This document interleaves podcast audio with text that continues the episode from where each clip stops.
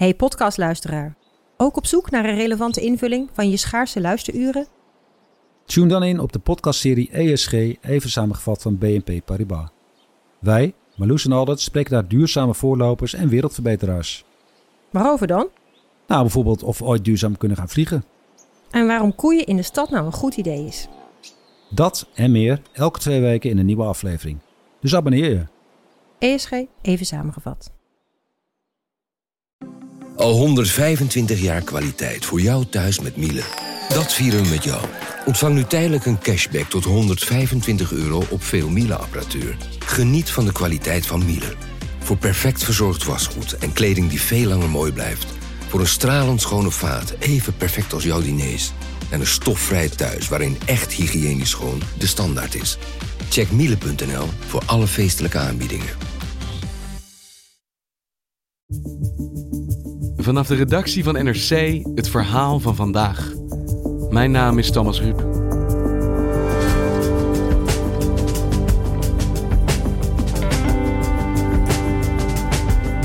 Goed, het kabinet presenteerde na lang onderhandelen eindelijk een gloednieuw klimaatakkoord. Maar er speelt ook nog die andere zaak, Urgenda.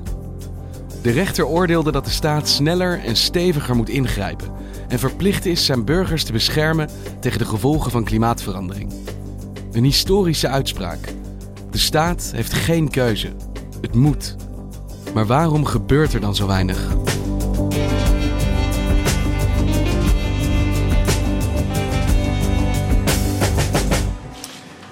Ja, het is gelukt. Uh, we hebben een klimaatakkoord. Oké, het klimaatakkoord is gepresenteerd op 28 juni.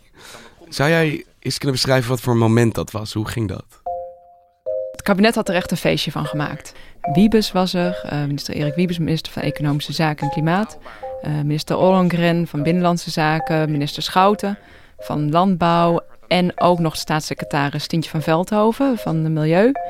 Met z'n vieren stonden ze naast elkaar op het podium. En zij presenteerden het klimaatakkoord. Eigenlijk een politiek akkoord waar alle maatregelen in zouden moeten staan die nodig zijn om in 2030 de uitstoot van broeikasgassen te halveren. Hester van Santen is economieredacteur en gespecialiseerd in energie en duurzaamheid. Aan diezelfde middag was er nog een persconferentie. Dat was de vaste persconferentie van de minister-president, altijd op vrijdagmiddag na de ministerraad. Daar sprak uh, vicepremier uh, De Jonge. Goedemiddag. Omdat Rutte in het buitenland uh, was. En hij besprak gewoon alle besluiten van de week.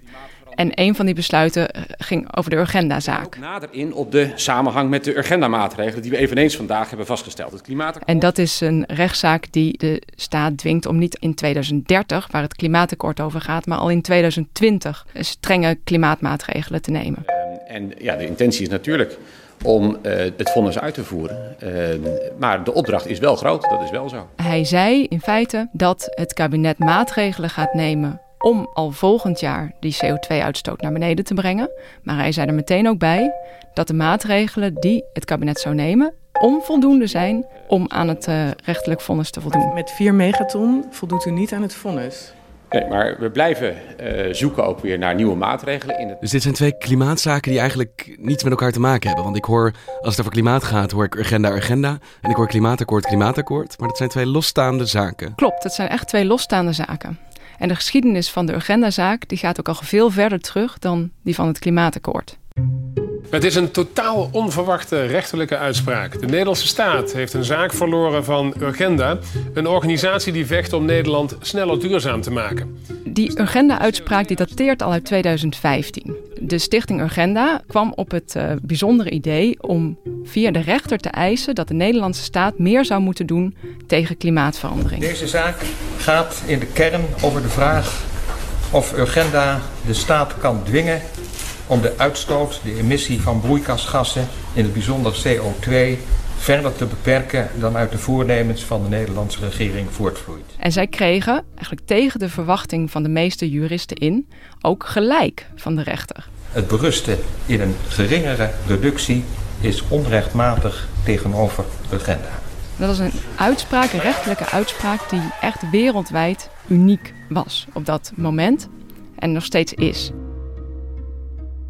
Het vonnis eiste dat Nederland zijn CO2-uitstoot, de uitstoot van broeikasgassen in algemene zin, uh, in 2020 al met minimaal 25% zou hebben gereduceerd ten opzichte van 1990, wat voor klimaatbeleid eigenlijk altijd als een soort eikjaar wordt beschouwd. Ik kan me zo indenken dat dit achter gesloten deuren tot een enorme crisis leidt.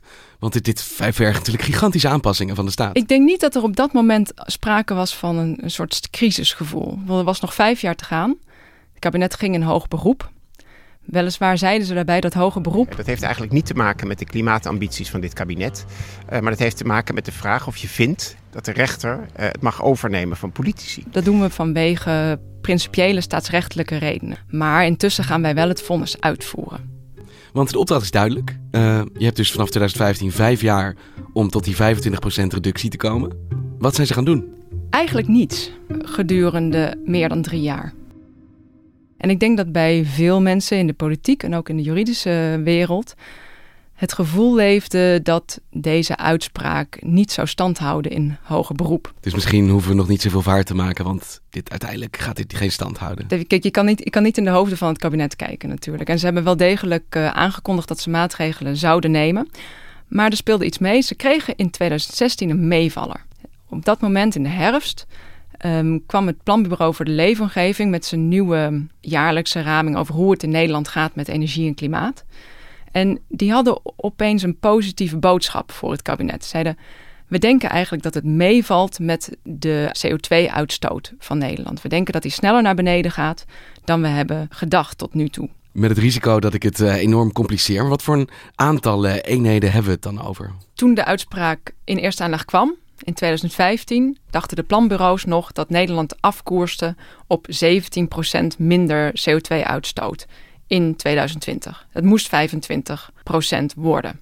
Toen kwam er dus een nieuwe raming. En daarin zei de planbureaus ineens, het Planbureau voor de Leefomgeving zei ineens, we koersen af op 23% CO2-reductie. Maar dat zat natuurlijk een stuk dichter bij de 25% die de rechter had gevraagd. En daardoor leek de opgave voor het kabinet ook ineens wat minder groot. En dat gaf ze ook wat ruimte. En ze werden dus wel gesteund door uh, die nieuwe cijfers van het Planbureau Leefomgeving. Dat zei, nou, we stoten eigenlijk minder uit dan we hadden verwacht. Dus misschien hoeven jullie ook weer niet zoveel te ondernemen om die gerechtelijke uitspraak te halen. Ze zeiden toen, en dat was 2016, ongeveer 4 miljoen ton, 4 megaton broeikasgas die ze extra zouden moeten reduceren. En dan heb je het ongeveer over de uitstootgrootte van een kolencentrale of twee raffinaderijen. Het Planbureau voor de Leefomgeving heeft altijd wel gezegd: de cijfers die wij hier geven zijn heel erg onzeker. Het zou ook wel echt zeker twee keer zoveel kunnen zijn. Hoe bedoel je dat? Dat gaat alleen al over zoiets simpels als je weet niet wat voor weer het in 2020 gaat worden. Als de winter heel koud is, dan uh, hebben we een hogere CO2-uitstoot, omdat we allemaal onze verwarming hoger zetten, bijvoorbeeld. Het was een onzekere raming en het kabinet heeft dat wel als een soort harde waarheid volgehouden. Zo, het, 4 megaton, dat is wat we moeten doen voor agenda en dan komen we er gewoon. Wat er gebeurde gaandeweg in 2017, 2018 was dat je zag dat de CO2-uitstoot minder afnam dan je zou verwachten. De economische groei was groter dan we dachten. Er was um, meer verkeer. We importeerden minder stroom uit het buitenland dan verwacht. En, en, en allerlei um, energiebesparende maatregelen of, of, goede energiemaatregelen vielen inderdaad tegen. Dus... dus... het kabinet had een optimistisch gevoel van we hoeven misschien niks te ondernemen en ja, we komen er vanzelf wel. Maar dat gevoel verdampte dus eigenlijk een paar jaar na die uitspraak. Dat duurde nog heel lang voordat dat gevoel verdampte. En dan kwam iets tussendoor. En dat was een heel belangrijk moment, namelijk op 9 oktober 2018. Toen was de uitspraak van het gerechtshof in Den Haag in het hoger beroep in de Urgenda-zaak. Goedenavond, dit is Nieuwsuur. Milieugroepen in de hele wereld kijken vandaag met grote ogen naar Nederland. Ook in hoger beroep dwingt de rechter het kabinet om meer te doen tegen de uitstoot van CO2. dus de Hoge Raad zei precies hetzelfde als de rechter al eerder had gezegd. Ja, hun redenering, hun juridische redenering was zelfs nog wat pregnanter dan in de rechtszaak in eerste aanleg. Wat er gebeurde was dat het Hoge Rechtshof um, de, de, de mensenrechten erbij haalde. Ze zeiden in feite, de staat moet de CO2-uitstoot sterk terugdringen om te zorgen dat het leven en het gezinsleven van burgers in Nederland niet aangetast worden. En het gaat dus om grondrechten. En toen, want nu moesten ze wel, want ze konden er dus tot nu eigenlijk mee wegkomen. De, de cijfers leken mee te vallen en intussen liep dat hoger beroep. Dus iedereen dacht, nou ja, uiteindelijk komt het wat vervallen en anders dan hoeven we eigenlijk niks te ondernemen, want we halen het vanzelf wel. En nu was er dus nog een rechter die zei, jullie moeten. En tegelijkertijd vielen de cijfers tegen. Dus de staat zit dan met een enorm probleem, denk ik. Op dat moment reageerde het kabinet nog steeds niet gealarmeerd. Het kabinet wachtte op een soort officiële bevestiging van het Planbureau voor de Leefomgeving. En die zou pas een paar maanden later komen. Dus op het moment dat de rechter uitspraak deed in hoog beroep, hielden ze gewoon nog steeds vast aan die 4 megaton. Ze zeiden nog steeds, we gaan het wel halen. Dat was langzaamaan een beetje fictie geworden, omdat iedereen wel zag dat de CO2-uitstoot tegenviel. Maar omdat er nog geen nieuw cijfer was, hielden ze nog steeds vol van ah, het is 4 megaton. Volgens de laatste inzichten is het doel binnen bereik. Toen kwam die lang verwachte berekening en dat was in januari, afgelopen januari. Vandaag uh, de nieuwe ramingen van het PBL, Planbureau voor Leefomgeving. En toen bleek inderdaad, niemand was meer er daarover verbaasd, dat het met die CO2-uitstoot inderdaad tegenvalt. Uh, de nieuwe prognose voorziet dat een reductie wordt gerealiseerd van 21% en we hadden moeten halen 25%. En we moeten ongeveer 9 megaton, 9 miljoen ton CO2 extra besparen vanwege Urgenda. Met nog maar een jaar te gaan. Ja, precies. Want tijdens die uitspraak in 2015 had het kabinet dus vijf jaar om dit te doen. Maar eigenlijk is in de tussentijd, als ik jou zo hoor, niks ondernomen. Bijna niets. En nu ineens blijkt, wat iedereen al verwachtte, dat het niet gehaald gaat worden. Dus ik neem aan dat dit dan wel het moment voor alarmbellen is. Dat zou je zeggen, hè? Het kabinet deed inderdaad toen wel iets. Uh, het besloot uh, dat aan het eind van dit jaar de Hemwegcentrale in Amsterdam dichtgaat. Dat is een oude kolencentrale. En zelfs in het vorige kabinet is al door minister Henk Kamp al wel gezegd... nou, als het nou tegenvalt met Urgenda... dan gaan we misschien kijken naar de sluiting van een oude kolencentrale. Dus het sluiten van de Hemwegcentrale was ook een maatregel die iedereen wel had verwacht. En die ook zeker niet genoeg is om dat hele Urgenda-probleem op te lossen. Dus het kabinet moet veel meer doen. Premier Rutte zei toen. Dat betekent dus dat er extra maatregelen nodig zijn. Uh, dat gaat ook wel om een flink pakket. Als je kijkt naar, ja, niet zozeer de maatregelen, dat moeten we nog uitzoeken, maar de omvang van dat verschil is best groot. Uh, Zo'n 9 megaton. We gaan dit vonnis uitvoeren. Uh, ja, vonnissen die boren we uit te voeren, dus dat gaan we ook doen. Komt een maatregelenpakket. We komen in april met nadere berichten. Het zou eerst in april komen. het, het, doel, is om dit, dit doel, doel te halen. Dan uh, hebben we ook een paar andere... Toen zou het tegelijk komen met het klimaatakkoord. En dat is dus ook wat er vorige week gebeurde. Toen zou dan het lang verwachte maatregelenpakket vanwege Urgenda gepresenteerd worden. Zou worden, zeg je? Nou, het kabinet vindt dat zij alleen maatregelen moeten nemen die acceptabel zijn. Ja, we hebben bij de Urgenda-maatregelen hebben gekeken um, um, van wat zou helpen, wat zou ook op korte termijn resultaat kunnen bieden. Dat is noodzakelijk natuurlijk. Wat zou ook kostenefficiënt zijn. Niet te duur. Um, dat er onder de bevolking steun voor is. Als we maatregelen nemen, dan moeten die kunnen rekenen op draagvlak. En draagvlak is meer. Um, dat ze passen bij het klimaatbeleid voor de langere termijn. En dat het niet leidt tot extra CO2-uitstoot in het buitenland. Kijk, een snelle sluiting van een energiecentrale, even niet de Hemweg, maar stel een andere in Nederland waardoor je vervolgens uh, viezere stroom uit het buitenland moet halen. Ja, dat is natuurlijk geen bijdrage aan CO2-reductie wereldwijd. In ieder geval. Dat lijkt me een redelijke redenering. Ik bedoel, dat je uitzoomt dat dat ook nog steeds uh, iets bijdraagt aan het klimaat. En niet uh, in het buitenland tot verhoogde uitstoot leidt. Maar ehm, hij zegt dat gaan we dus niet doen. Maar de vraag is, wat ga je wel doen? Want het moet van ja. de rechter. Ja, nou, het kabinet heeft nu dus wel maatregelen voorgesteld. De Hemwegcentrale was er al. Er komen nu nog 18 type maatregelen bij. Maar het is helemaal nog niet duidelijk hoe die maatregelen precies uitpakken en wat ze eigenlijk um, kunnen bewerkstelligen in 2020. En dat beweert het kabinet ook niet, dat deze maatregelen uh, genoeg gaan zijn om uh, die 25% te halen? Nee. Ik raak er een beetje van uh, in de war op een bepaalde manier, want de rechter heeft gezegd dit moet. En nou ja, als een rechter dat zegt als burger, heb je geen enkele keuze. Je moet naar het oordeel van de rechter handelen. Want je kan het er nog zo mee in eens zijn, je kan het nog zo onredelijk vinden, maar als een rechter het zegt, dan moet je dat doen. En hier hoor ik een staat die in dezelfde situatie zit, maar eigenlijk zegt: ja, we nemen deze maatregelen, maar we weten niet of we dit gaan halen. Kan een staat dat zeggen? Ja, nu nog wel. Juridisch is er hier nog wel wat anders aan de hand. Want intussen was het kabinet ook in cassatie gegaan. De hoogste rechter, de Hoge Raad, moet een oordeel gaan vellen over of in de Urgenda-zaak alle wetten goed zijn gevolgd en uitgelegd. Dus er speelt misschien nog steeds een hoop dat er een rechter komt die zegt: jullie hoeven niet. Dat wordt natuurlijk niet hardop gezegd. Maar het zijn wel twee sporen die tegelijk lopen. Dus aan de ene kant moeten ze die uitspraak volgen en zijn ze verplicht door de rechter om maatregelen te nemen. Maar er loopt ook nog een traject waaruit misschien achteraf gaat blijken dat het niet nodig is. Ja, kijk, de uitspraak is nu nog niet onherroepelijk. Ze kunnen er nu juridisch nog niet op die manier aan gehouden worden. Maar hoe langer ze wachten met grote maatregelen, als straks die cassatie uh, er niet komt en blijkt dat het inderdaad een verplichting is, dan zitten ze met een groter probleem. Want hoe langer je wacht met maatregelen nemen, hoe, uh, hoe meer je moet doen in korte tijd. Ja, dus de situatie waarin we ons nu bevinden, is een hele vreemde. En ze zeggen ook nog steeds dat ze in het najaar, als nou blijkt dat het uh, weer tegenzit met de CO2-uitstoot, dat ze misschien extra maatregelen gaan nemen. En minister Wiebes van Economische Zaken zei dat vorige week ook nog in de Tweede Kamer. Hij zei. Het staat buiten kijf dat dat vonnis is gewoon het vonnis. En het streven is dus nog steeds om die opgave te realiseren. Uh, en dat blijft gewoon doorgaan. Er is geen, ander, uh, geen andere mogelijkheid. En makkelijk is het niet. Uh, maar er zit ook niks anders op.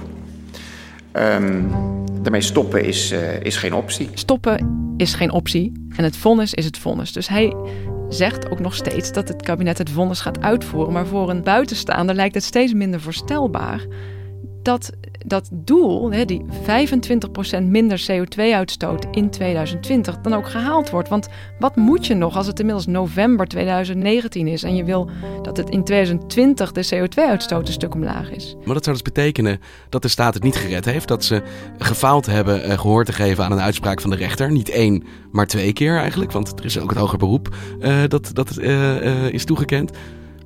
Wat zou de consequentie daarvan zijn? Het wachten is dan op de uitspraak van de Hoge Raad. Nog steeds kan een hoge rechter uh, het gerechtshof terugfluiten en zeggen: nee, deze uitspraak is niet op goede gronden gedaan, dit moet over. En dan heeft de staat ontzettend veel tijd gekocht. En dan kan het kabinet gewoon doorgaan met het op zijn eigen tempo uitvoeren van het klimaatbeleid. Maar het kan natuurlijk ook anders uitpakken. En dat is dat de rechter nu ook een derde aanleg gaat zeggen: nee, dit is wat jullie moeten doen. En dan blijkt ineens dat ze in vijf jaar eigenlijk niets ondernomen hebben. Als dit vonnis stand houdt in cassatie, stelt dat het kabinet voor een zeer acuut probleem. Want het is eigenlijk niet voor te stellen dat de staat een rechterlijke uitspraak niet uitvoert. Ik heb daar nog over gebeld met uh, Volkert Jensma, dat onze eigen juridisch commentator en oud-hoofdredacteur. Ik vroeg hoe vaak komt dit nou eigenlijk uh, voor? Weet je, wat is de situatie als de staat een fonds krijgt opgelegd en het zou daar niet aan voldoen? En hij zei, ja, dat is eigenlijk onbestaanbaar. Het is onbestaanbaar, ondenkbaar dat een kabinet, regering, de overheid een vonnis van de onafhankelijke rechter naast zich neerlegt. Uh, dat kan gewoon niet in een rechtsstaat, een democratische rechtsstaat, mag je erop vertrouwen, kun je erop vertrouwen dat de overheid vrijwillig uit zichzelf het, de uitspraak van de rechter uh, respecteert en die dan ook volgt. Omdat onze hele rechtsstaat is gebouwd op het idee dat de rechter de staat kan corrigeren. Op het moment dat dat niet gebeurt, ik wil het niet altijd dramatisch stellen, maar ja, dan zijn we geen democratie meer. Uh, dan uh, luistert de, de politiek niet meer naar de rechter. Um, ja, wat scheidt, wat ons dan nog van een dictatuur, kan je, kun je afvragen. Dus dat vonnis, dat is van enorm belang. Ze kunnen eigenlijk niet anders dan op dat moment zeggen: we kunnen niet anders, we gaan dit vonnis uitvoeren. En dan vraag ik me heel erg af wat het kabinet dan nog gaat bedenken. Je kunt je bijna niet meer voorstellen wat voor soort maatregelen ze moeten nemen als dit vonnis stand houdt in cassatie. Stel je voor dat je dan zou beslissen om alsnog kolencentrales te gaan sluiten. Je kunt niet zomaar de stekker uit drie kolencentrales trekken en dan hopen dat het uh, volgende maand gewoon goed komt. En wanneer komt deze uitspraak nou? Wanneer weten we nou of de staat met een enorm probleem zit of dat ze ermee weg zijn gekomen eigenlijk om, uh, nou ja, vooralsnog niet al te veel te ondernemen? Eind van het jaar heeft de Hoge Raad gezegd. Er wordt met heel veel interesse naar deze zaak gekeken, nog steeds. In, niet alleen in Nederland, maar ook in het buitenland. Kan een staat gedwongen worden om meer te doen voor het klimaat? Dat is een vraag die op dit moment, hè, met de klimaatverandering in volle gang, voor de hele wereld belangrijk is. Dankjewel, Hester. Graag gedaan, Thomas. Je luisterde naar vandaag, een podcast van NRC. Eén verhaal, elke dag. Dit was vandaag, morgen weer.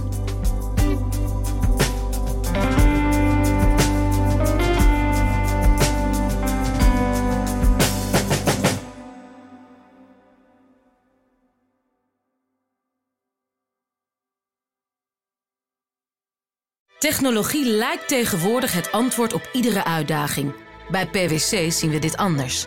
Als we de potentie van technologie willen benutten, kunnen we niet zonder een menselijk perspectief. Human-led, tech-powered noemen we dat. Ga naar pwc.nl.